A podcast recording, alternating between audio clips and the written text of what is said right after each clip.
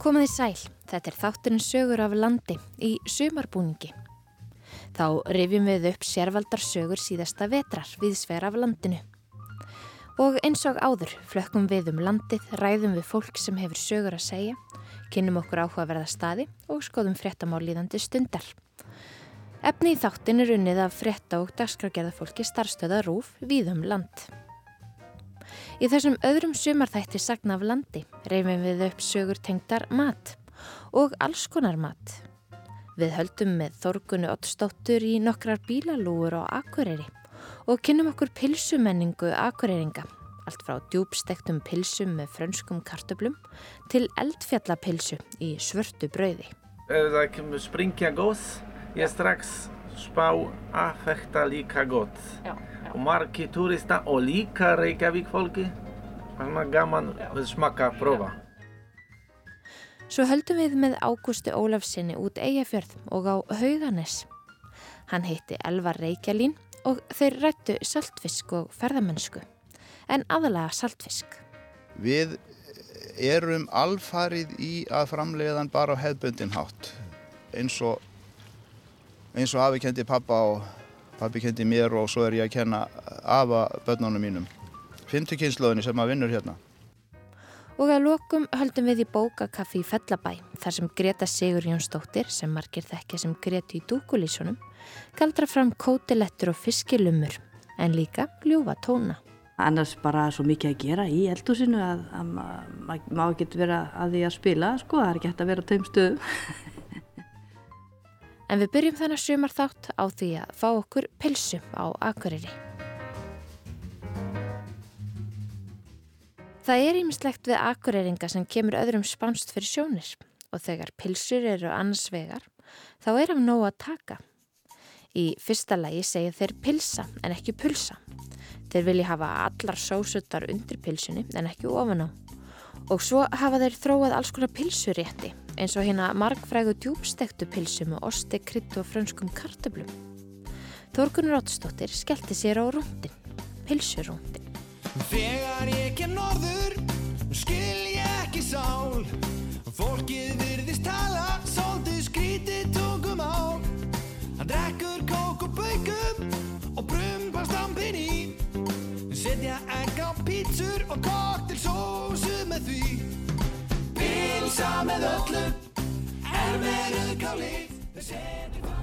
Það eru alveg nokkrir staðir hérna á Akureyri þar sem er hægt að fara og fá sér pilsu í lúu. En ég ætla að byrja hérna í Ag-Inn. Þessi sjoppa var nú oft kölluð Gellunesti. Veit ekki alveg hvort að hún er kölluð það enn í dag en hún var það allavega hérna á mínum yngri árum. Og hér er, ég veit ekki, kannski mekka pilsunar á Akureyri. Skulum koma að staði og sko það væri náttúrulega skemmtilegast að taka þetta viðtal í gegnum lúuna en ég bara kann ekki við að teppa hana svona lengi þannig að það sé best að ég fari hérna inn.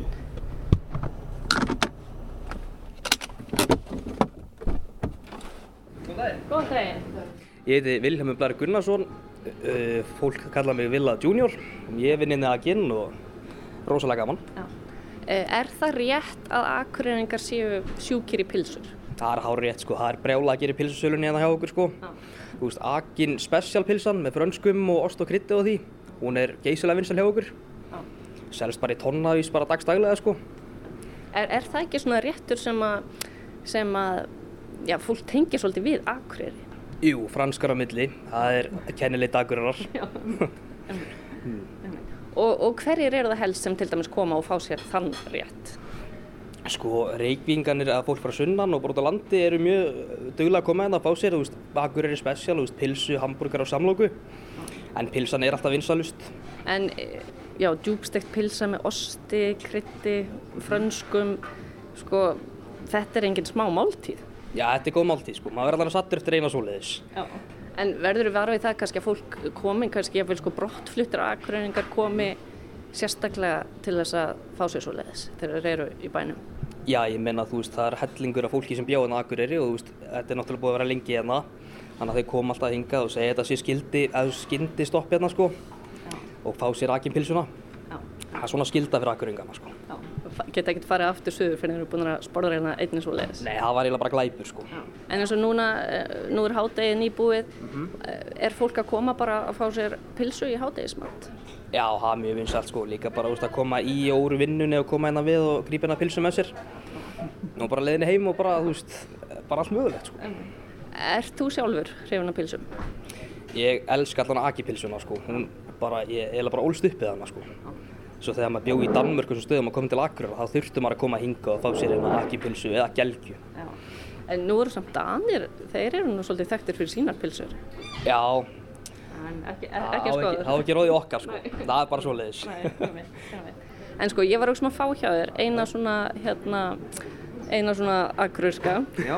Hvað, hérna, ertu lengi að græja hana? Þetta er bara svona 2-3 mínútur bara. Já. Má ég fá að fylgjast með? Já, komdu Til að byrjum á því að setja franskanar. En þú kemur nú kannski ekkert mörgum frönsum, frönskum á eina svona pilsu eða hvað? Nei, sko 100 grömm er limitið sko. Já. Svona sko. Mhm. Og hérna eru pilsunar. Við erum búin að, skera í þær. Já, Þannig að verða svona meira krönsi þegar þær eru komnar upp. ok. Þannig að þú djúbstekir þetta bara svona saman. Já. Já. Við erum ekkert að ljóstra upp einhverjum svona framleiðslu leyndarmálum hérna, er það? Veit ekki með það sko. Nei, nei. Maður þarf svona að passa sig hvað maður segir sko. og við erum hérna með hambúrgarasósun okkar sem við gerum sjálf. Ah, Þannig að best að halda því leyndu sko. já, einmitt.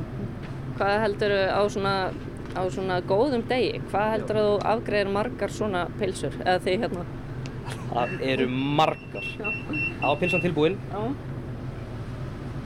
Visku hann upp hérna með tönginni. Mm Hefur einhver hugmynd um hvað þetta eru margar hitæðningar?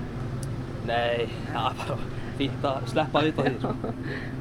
Já, nú eru franskana tilbúnar eða hvað? Já, bara kistuðum bara svona örlítið bara. Mm. Við erum svona að halda sem flestum á hérna ofan á sko. Já. Síðan setjum við aðeins sósu yfir franskanar. Og síðan er það osturinn. Það setjum við bara svona beint ofan á pönnuna bara. Svona. Það er að vera fljótur að þessu sko. Að síðan bara kryddið. Og er það bara klárt? Þetta er klárt. Eru takk fyrir þetta. Hérna, verður maður svo ekki að fá sér kók með þessu eða Jú, kóka er kókamjólk. kókumjólk? Já, það er, það er leini blandan sko. Já. Herri, þá verður ég, ég að gera það. Kókamjólk. Já, nei, veistu, Það er kókið. er það ekki eitthvað skrið? Já, kók. Það er bara gömlu akkur sem þessu kókamjólkina sko. Við lengra. En sko, það liggur nú við að maður þurfa að vera með bara dálítið stóran munn til að koma þessu upp í sig, sko. Það er kunst að læra að borða þetta. Já, en sko, svo er þetta, þetta er nú kannski eitthvað svona praktískur bílamatur. Já. Þetta er svona, Þetta er það sem er mest kæft hérna bíladöfum sko. já, það. Já. Þú veist, akkur er spesial pilsan sko. Sælist þess að heita lumur að bíladöfum sko. Bara í tonna vís. Já. Þetta er rosa gott. Það ekki? Já. Já, gott að þeirra. Herri, takk fyrir þetta. Takk aðeinslega. Já, þess veðs.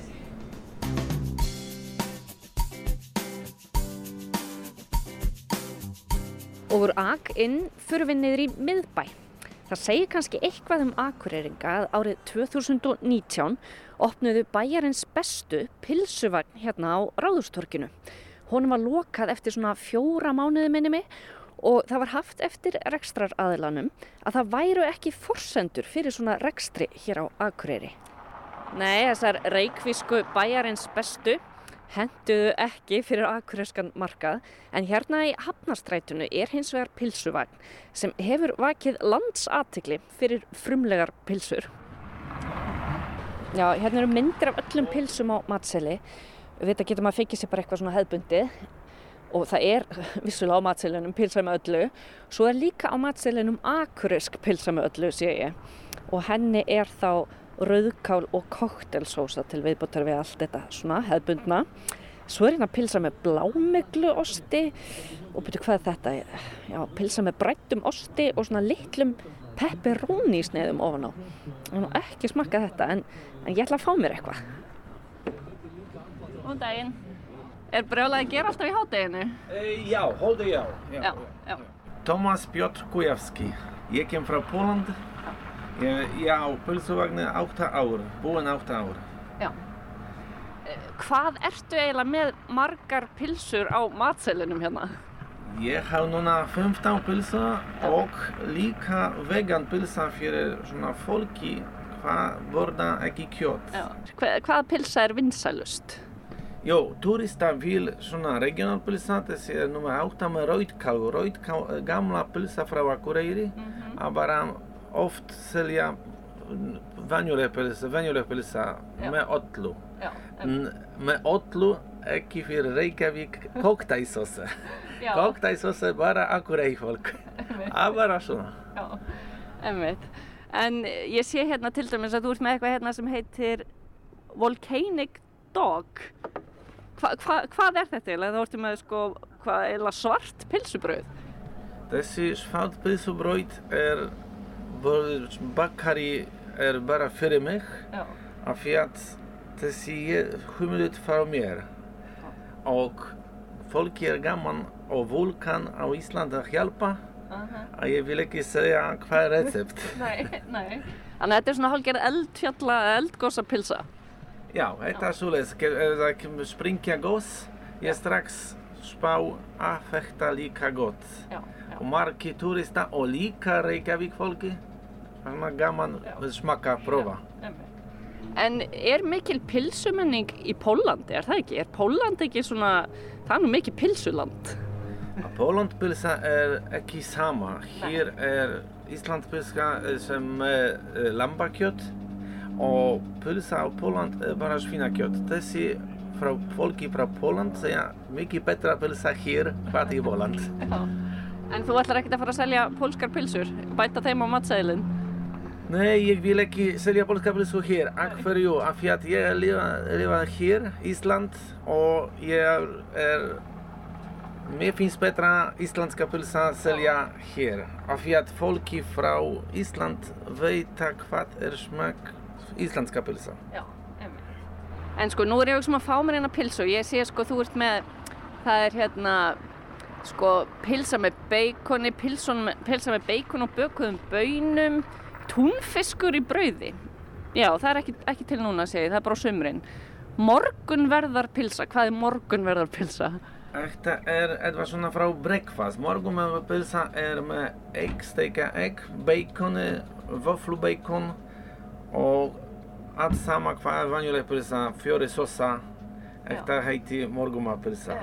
Svo er hérna, já, með kartöflusalati og alls konar sneið. Sko, ég er samt pínu spennt fyrir þessari hérna eldfjallapilsu. Ertu með hana? Er, getur fengið svo leiðis? Eða er það bara á sumrin? Já, já, ég hafa svona. Þú átt svona?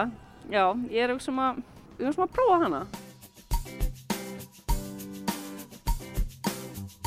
Hvað, hvað var þetta sem þú settir á núna? Þannig að, Steiktarlauk, hrávalauk og spesial mm -hmm. jalapeno. Ókei. Jalapeno er sterk. mm, Og þetta er mjög þessi spennandi. pilsa verður hafa fána af hverju. Þetta vil þessi vulkaník pilsa frá, frá Ísland. Þannig að hún er toppuð svona með íslenska fánanum. Já. Heyrðu, þetta er rosalegt, ég ætla að sjá hvernig þetta smakkaðist.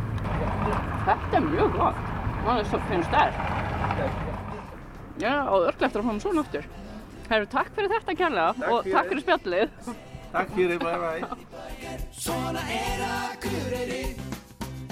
Þorgunur Ottsdóttir sagði okkur frá pilsumenningu akureyringa og rætti við Tómas Pjótr og Viljálm Blæ Gunnarsson. Og við ætlum að halda okkur fyrir norðan.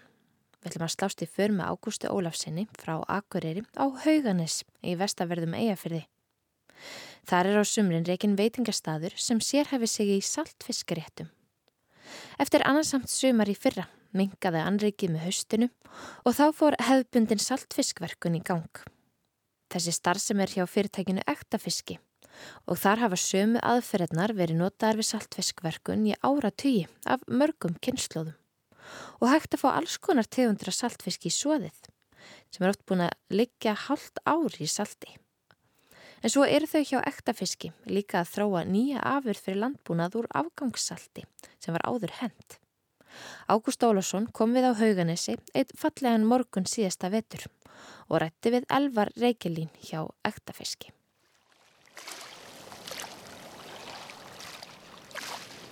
Ég heiti Elvar Reykjalín og á ekta fisk hérna á Hauganissi. Elva, við stöndum hérna á á Bryggju. Hér er svona sunnan andvari og ofsalega fallegu morgun. Lífið er saltfiskur hér á Hauganesi í dag eftir, já, ótrúlegt ferðarsumar. Já, það má segja það. Það var eiginlega lítill tími til að standi í fiskframleysli í sumar. Það var, Hauganes var bara fullt af ferðamönnum í, á tjaldsvæði, í pottum, á, á bakkal á veitingahúsun og í kvalaskoðun. Alveg gríðarlega góð trafík. En e, nú er allir að vinna, salt, vinna saltfisk og, og þið getið einbetið ykkur á því. Þið vinnið alls konar afurðir úr fiskinum, alls kynns saltfisk afurðir. Já, er, þetta er mjög fjölbreytt framleysla hjá okkur sko og ef við förum aðeins aftur í tíman sko þegar ég var að byrja hérna með pappa 1967 sem fullgildur hásiti 15 ára gammal að þá voru hérna við eigafjörðin bara cirka 30-40 littlar og meðalstórar saltiskverkanir. Mm. Svo uh, hefur þetta nú þráast þannig eins og, eins og við á landinu að, að þessi hefðbundna starfsemi hún bara lognast út af, menn, menn verða gjaldtróta, aðri kaupa upp og, og þetta er og var mjög bara erfitt að standa í þessu þannig að núna er ég einn eftir og það er búið að ganga á ímsu og oft hefur maður ekkert verið viss hvort maður livði af árið og fyrir 7-8 árum þá, þá leitt þetta alls ekkert vel út hjá mér og ég sá jafnvel fram á að þurfa að hætta mm. en þá tók ég það ákverðin að prófa að fara í, í turistan, ferðabransan vegna þess að kvalaskoðin hér á hauganis er, er afbragsgóð og eins og allra besta á landinu mm. og hefur laðað að mikið af fólki og það var svona forsendan fyrir því að hægt var að til dæmis að opna veitingahús mm. og ég opnaði þetta veitingahús Bakkalóbar sem er orðið gríðarlega vinsælt eh, tjálsvæði, mjög gott og heitapotta í fjörunni mm. og allt þetta spilar svo vel saman að, að hérna nú lítum við bara björnum augum á framtíðana hérna. Ef við tölum, tölum áfram með saltfiskin er hægt að tala um einhverja svona aðal aðferð og, og svona hefðbundna og eina afur sem að þið framleiði mest af? E, það, já, það er sko við erum alfarið í að framleiðan bara á hefðbundin hátt eins og eins og afi kendi pappa og pappi kendi mér og svo er ég að kenna afa börnunum mínum. Fymtukynnslöðinni sem að vinnur hérna. Og það finnst okkur mikilvægt að halda í það og, og þessi hefðbundna aðferð hún hún er svona undir staðan í reksturinnum og við höfum verið að senda frá okkur á spán til dæmis 250 tonn cirka af söldum aðurðum á ári og innanlagsmarkaðurinn er alltaf tröstur og góður Ítalíumarkaður er mjög skemmtilegur þannig að saltfiskurinn hefur verið undir staðan þó að ferðarþjónustan hafi verið að stækka svona hlutfólkslega aðeins síðust árin mm. Þú ert að tala um útlutningin og allt það en, en ég þekist nú vita að þú hafið þína kuna á Íslandi sem vilja alveg rótgróin og, og, og vel saltaðan saltfisk. Já, og mér þykir svo ábáslega væntum alla visskipti mína hérna mm.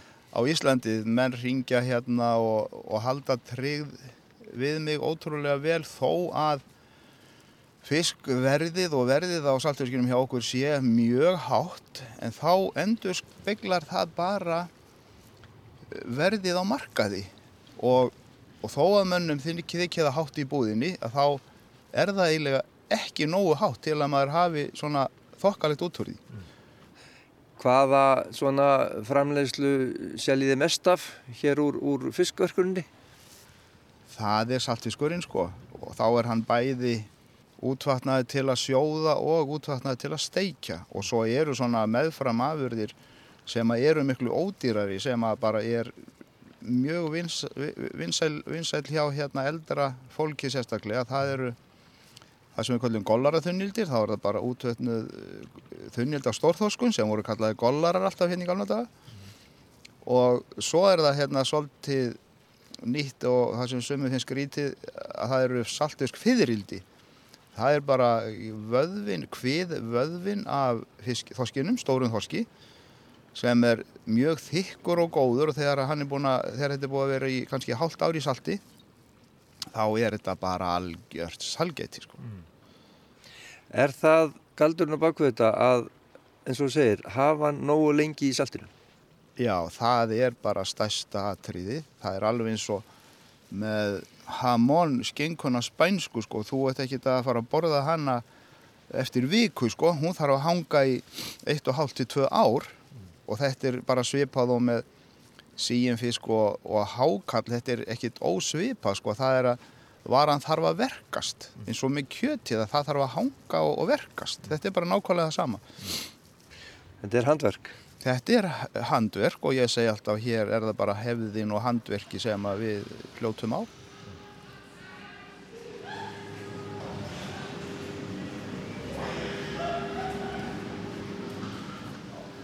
Helva, nú erum við komnið hérna inn í, inn í vinslunum hjá okkur og, og hér ertu með framleyslu sem að er mjög sérstök. Þetta eru, hérna er það að búa til, eða hvað, saltsteina?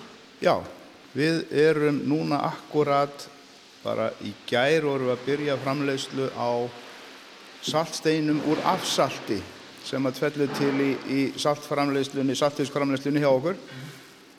Og þessu salti hefur nánast öllu verið hendi gegnum árin og það geta verið millir 50 og 100 tonn hjá okkur bara. Núna loksins erum við að fara að full nýta þetta fyrir búfíja og í þetta blöndum við alls konar góðum efnum eins og fiskimjöli, selen, vitamínum, kalki þannig að í þessum steinum á að vera bara nánast öll bætefni sem að búfíja þarf, kýr, hestar, kindur. Hvernig er, er vinsluferðni? Hvernig gerir þetta? Við nýtum saltið í fiskinum, kannski tvísva sinnum og eftir það setjum við það bara í kör og geymum í kæli ánga til að kemur að þessu síðan þurfum við að mala það sem er svolítið mál síðan þurfum við að stilla upp þessum innihalsefnum hotlustu efnum og, og þau þurfum að viktast saman við í nákvæmlega réttum hlutöflum við erum með hérna vél sem að hræri svo allt saman. Síðan er þessu held í 15 kíló af fötur og það eru flutt inn hérna hef ég heyrt yfir 5.000 tonn af saltsteini þannig þetta er gríðalegt magna plasti og fötum þannig að við erum að vinna í því mjög ákveðið að finna náttúruvætni umbúðir eitthvað minna sem þarf að farga. Og við erum hérna í Vakstarrými það eru, það eru hérna, það er námski sem að Sveitafjölu og Norrlandi eistra halda með nokkru fyrirtækjum sem eru að þróa nýjungar. Og þar á meðal er verið að hanna eitt fyrirtæki plast úr þara. Og við erum búin að vera að ræða það saman að reyna að leysa það mál þannig að umbúðirnar verða bara jætnar að búfja Þetta er nýjasta viðbútin elvar. Nú í allir þessari framleyslu öllum þessum tegundum af saltfisk sem þið búið, búið til og verkið það verður nóg að gera í allan vetur Ég sé fram á bara nóg að gera í vetur. Við erum að fara að kaupa talsett mikið af fiski til að flaka og salta fyrir ítalskan vinnminn og kuna sem að ringir í mig kannski þrísár á ári og segir elvar hérna ég þarf að fá ekta saltfisk eins og uh, eins og var framleitið sko að afa þínum og síðan að pappa og svo að þér. Það má ekkert breyt út af því. Það er bara gamla aðferðin og ég sendi þér pening. Þú kaupir 10-20 tonna stærsta og besta fiskinum. Þú saltar hann, geymir hann í salti í 3-4 mánuði. Síðan útvatnar þann og pakkar og sendir mér. Og þá borga ég restina vinnulögin þetta, er, þetta eru viðskipti sem eru svo ótrúlega skemmtileg. Og það er engin samningu til um þetta. Þetta er bara tröst á milli manna. Og, og þú hér búin að vera hér í, í þessu þorpu að brasi þessum íslensku aðförum alla þína æfi nánast, já þið líkar þetta vel heyri ég. Ég bara alveg elska þetta og, og að halda í hefðina og handverkið hér er allur stóri fiskurinn bara handflakaður. Og þetta er bara handavinn allt saman. Og ég bara segi það ofta að hérna, mér hlakka til að mæti vinninu okkur í einasta mótni að fara að flaka eða bara vinna hérna með liðinu mínu. Elvar, takk fyrir þetta spjall og, og gangi vel. Takk fyrir gælega. Ágúst Ólafsson rætti við Elva Reykjelín hjá ektafiski á Hauganesi sem saði frá saltfisknum, verkun hans og nýri framleiðslu.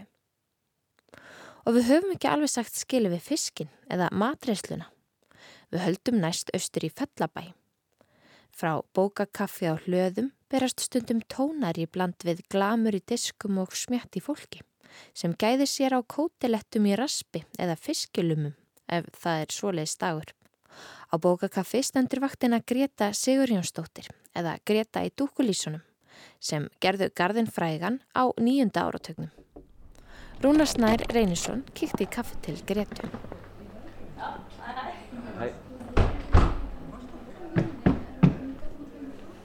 Já, ég heiti Greta Sigurðarsdóttir og ég rek hérna bókakaffi hlöðum hérna á bökkum lagafljótsins. Og hvernig gengur að reyka svona kaffihús hérna í fellabænum? Já, það gengur nú bara ágætlega svona þegar ef að vel árar þá, þá er það allt í lagi en, en það hefur svo sem ekki verið neitt rosalega gott við okkur allavega síðasta ár en við þraukum þetta bara. Þetta lítur allt saman að lagast einhvern tíman. Þetta er eldur sem við byrjuðum með. Þetta er bara svona lítið og grútlegt. Við erum með svona pannukökur, sérst kreps og við serverum bara hérna, tertusneðar og svona kaffi og dótt hérna út úr þessu eldhúsi, þessu litla. Svo erum við með annað hérna inni á bakvið sem ég kannski sína þér á þetta er. Við erum með súpur á mándum og sérst alltaf tvær íslenska kjöðsúpu og græmitsúpu og á fyrstudögun líka og á fyrstudögun erum við svo með kökulapur og eftir því. En svo á miðugundum erum við með kótilettur í raspi. Þá verður allt vittlust hérna. Það, er all, það er alltaf jafn gaman og gott að fá kótilettur í raspi. Góð stemning og já.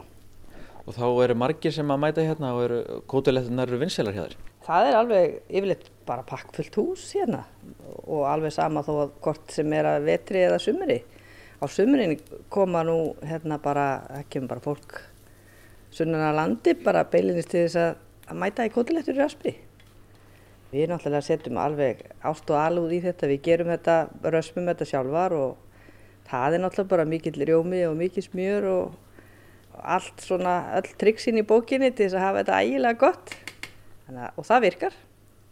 Svo fymtudögu þá erum við með fiskilumur, fiskilumur og bröðsúpu. Og fiskilumur er eitthvað sem við viljum tengja náttúrulega svolítið við bara okkar æsku hérna, við byggum náttúrulega við sýstur sem að rekum þetta, við byggum hér út í hlýð og það var ekki oft ferskur fiskur eða bara fiskmeti að fá.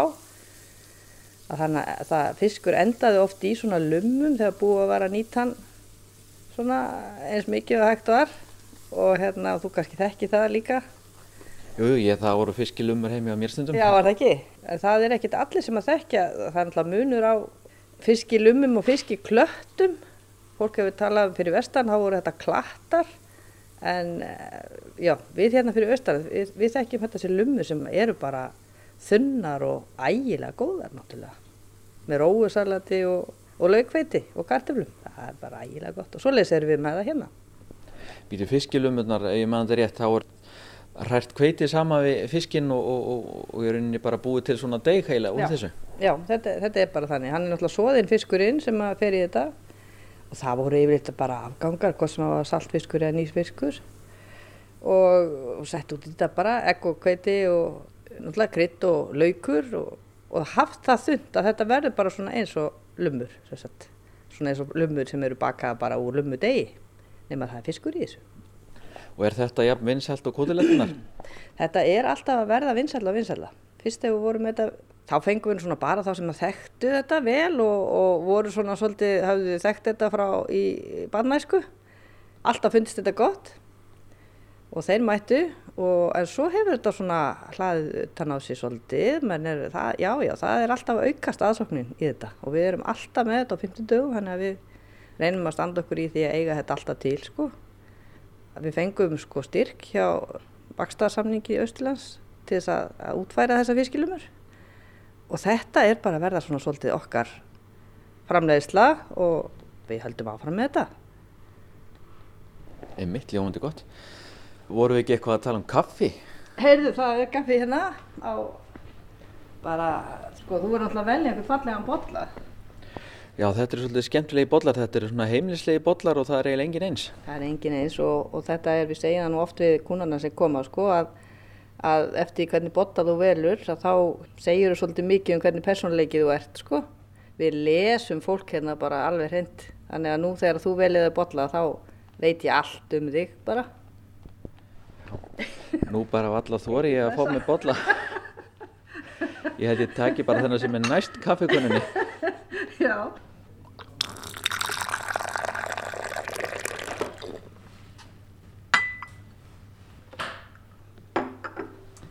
Jæja, Greta, nú erum við sest hérna í horni. Þetta er svolítið vinsæl staður hérna á kaffehúsinu. Já, það er svo skrítið að, að á svona kaffihúsum að þá verða alltaf einhver borð lang vinsælust. Það eru eiginlega heilmikil sálfræðileg stúdja á bakvið það, hverjir, af hverju fólk sest alltaf við sama borðið. Við fá kannski næði hérna í horninu og, og svo eru náttúrulega bækurnar hérna allt um líkjandi hérna við þetta borð. Já, það er kannski málið. Þú þarf bara að tegja út hendina og þá ertu bara, þá grýpur bara einhverja góða bók og, og fólk náttúrulega, það má alveg lesa, það er alla bækur til sölu, þetta er náttúrulega bara gamla bækur og, og hérna við seljum þeir á eitthvað 250-300 kall ef að fólk dettur ofan í eitthvað sem að vil grýpa með sér að þá bara kaupi þessi bók. Svo kemur það stundum með bókina bara aftur og gefur mér. Þetta er ekki það mikil peningur fyrir þetta. Það er kannski þess vegna sem að þetta borðið svona vinsalt að það er hérna alveg stutt í bækurnar. Og hvernig bækur ertu nú aðalega með hérna á kaffehúsinu? Er þetta bara algjör tilviljum hvaða bækur hafa ratað hingað? Já, það er það, er það nú svolítið. Sko við vorum náttúrulega uppalega þegar við komum hérna þá vor, tókum við við bókalagatun sem Sigurbjörn Brynjólfsson var með. Það var náttúrulega bókabúð hérna ára en við komum. En hann var búinn að vera hættur í tjaldi tíma og þannig að það var bara fullt af bókum hérna til en, en hérna nú erum við búin að breyta svo mikið og, og hérna á bakvið var bókalager við erum búin að breyta því í eldhús. Það er ekkit voðalega mikið pláss fyrir bækur að þannig að nú veljum við svolítið ástæði þingmúla. Hún hefur verið aldrei mikið að velja bækur hérna inn og, og breyta og bæta og fyrir jólin á vor við alltaf með svolítið á nýjum bókum. Það, var, það er minna af því núna og við gerðum ekkit af því núna því að bara það eru bara erfitt að slást við stórmarkaðina í, í bóka, jólabóka bransanum þannig að það er bara endalus vinna og ekkert út úr því að hafa þannig að við hættu því núna. Nema bara svona það sem við eigum sem að tengist hérna austur ef það eru höfundar sem er að, að hérna gefa út sjálfur kannski hér og svo félag ljóðunind á Austurlandi og, og bókstafir okkar bókaforlag hérna sem fyrir austan. Þetta er allt saman til hérna það er svona bækuna þeirra en að öðru leiti þá er þetta nú bara svona gamla bækur og alls konar verðmæti. Það er ekkit rosalega feitur business þessi bókabusiness sko. En samt er fólk alltaf að lesa bækur. Fólk er ekkit hægt að lesa. En nú er svo lítið mál að panta þetta bara af, af vefnum og þetta er bara komið úr stægin eftir. Það er allt orðið svo miklu auðvildara svona þannig að, að bara panta sér það sem maður vill og fá með posti þetta er kannski svona þróunin bara í nótskurn Þannig að þið notið bara bækurnar svona til að búa til stemningu og, og, og laða fólk til ykkar og svo seljið því bara kaffi og, og kökusneið. Já, og það er, það er eitthvað svona sérstætt við það að hafa bækur í kringu sig. Það er eitthvað svona sérstætt andrúsloft sem sem að myndast og það er eitthvað rólindi svona sem fylgir því og einhver notaleg heitt að hafa bækur og geta glukkað í þær bara af því að það er nú gamlar að þá náttúrulega meiga allir bara að skoða allt sem þið vilja og Við erum með krakkahotn hérna líka það sem er alltaf á bókum og það er allt saman svona gamla bækur sem krakka að bara grúska í og lesa og, og það er bara mjög vinsælt.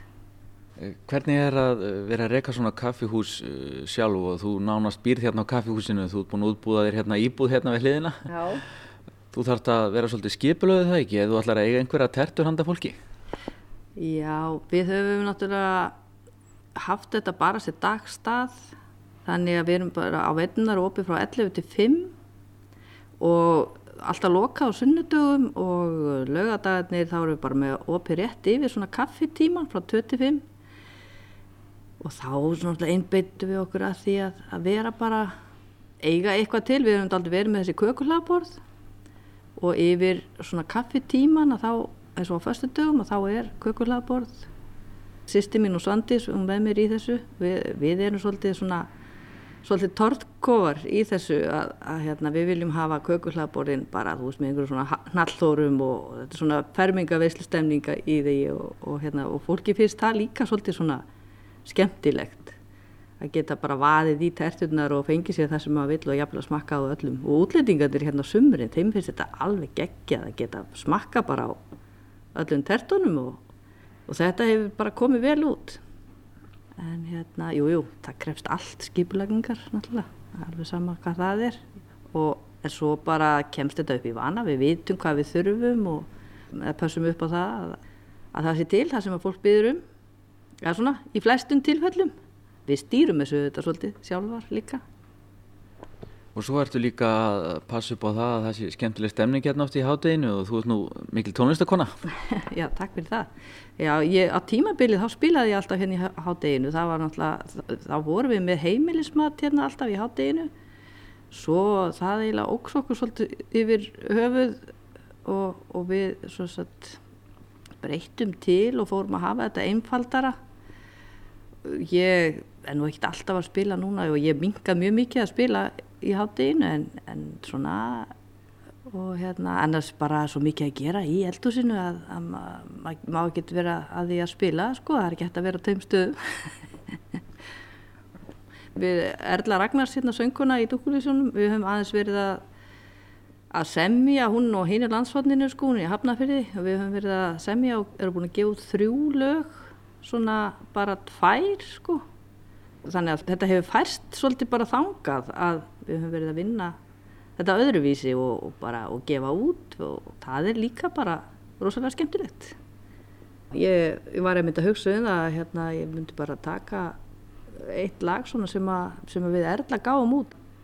Það er svona svolítið notaleg stemning í því og, og er svona um vonina og vináttuna og ástina og og það er kannski svolítið COVID keimur eitthvað í þessu því að þetta er nú það sem að menn fóru náttúrulega svolítið að endur skoða þegar menn þurftu að vera heima og, og gáttu sér hvergi hreift og, og fóru bara að hugsa kannski um lífið og tilvöruna og öðruvísi hátt. Já, ég veit nú ekki hvernig gengur að syngja og svona, þú ert svo snemma á ferðinni.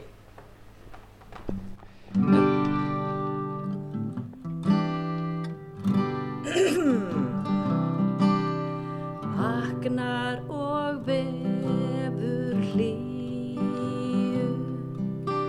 Von eftir litla kríu. Rekur á braut Svartnættis þraut. Svo faðmar hún mig að nýju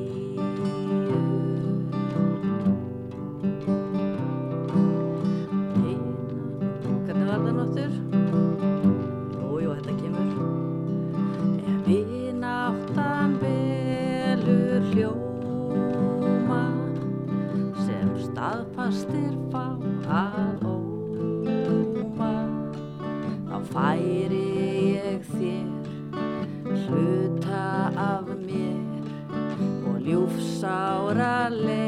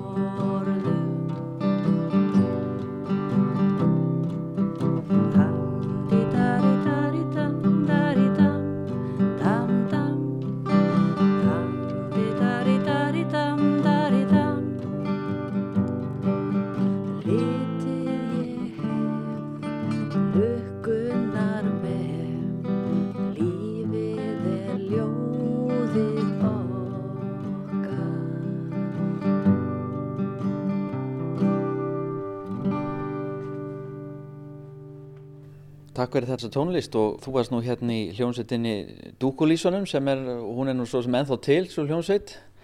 Ætli þið að gera eitthvað á árunni 2022? Það þarf að halda einhvern mjög mikilvægan fund um það því að við verðum sagt, bandið færtugt núna 2022.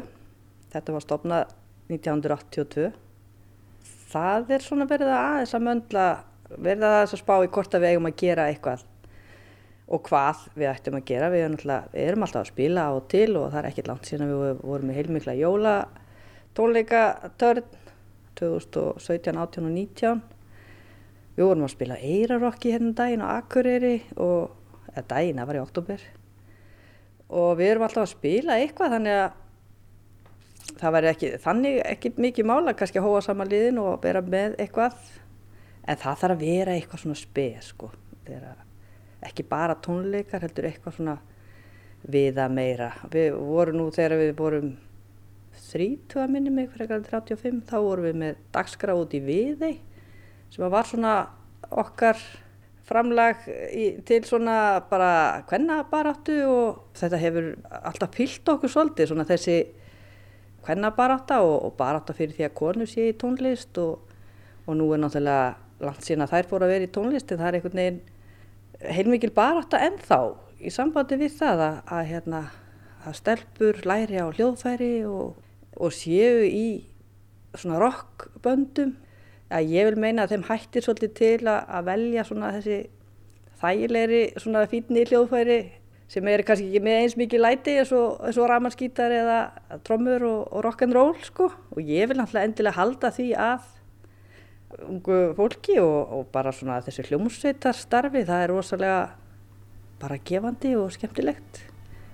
Eða já, mér fannst það allavega en það voru, það eru auðvitað breytti tímar. Greta Sigurjónsdóttir Dúkulísa og uh, stjóri hérna á uh, bókakaffi á hlöðum í Fellabæ. Takk hjálpa fyrir spjallið. Já, takk fyrir það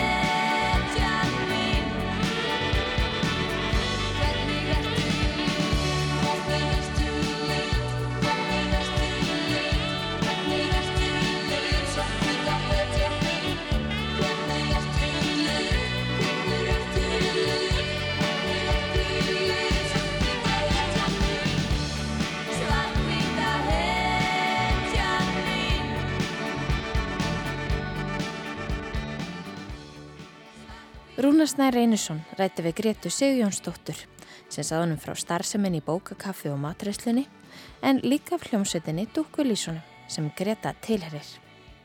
Og hér í lókin heyrum við einmitt lægið Svartkvita hetjan mín með Dúkulísunum.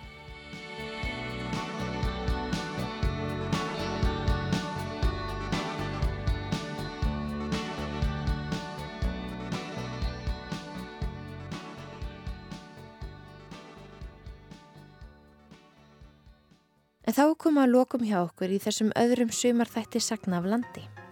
Aug þess að rifja upp innlit til Gretu Sigurjónsdóttur í bókakaffi Fellabæ heldu við með Ágústu Ólafsinni á hauganis við Eyjafjörð, þar sem lífið er saltfiskur. Hann rætti við Elva Reykjalín. Þá slóðast við í för með Þórgunu Ottsdóttur á Pilsurúndin á Akureyri, en hún rætti við Tómas Pjótr og Vilhjám Blæ Gunnarsson. Teknum að þáttarins var Lítiða Gretarsdóttir. Og við minnum á að sögur af landi þessa þáttar og aðrar sögur af landi síðasta vetrar sem og fleiri til má nálgast í spilararúf og öðrum hlaðvarpsveitum. Við þökkum þeim sem hlýtu, lifið heil.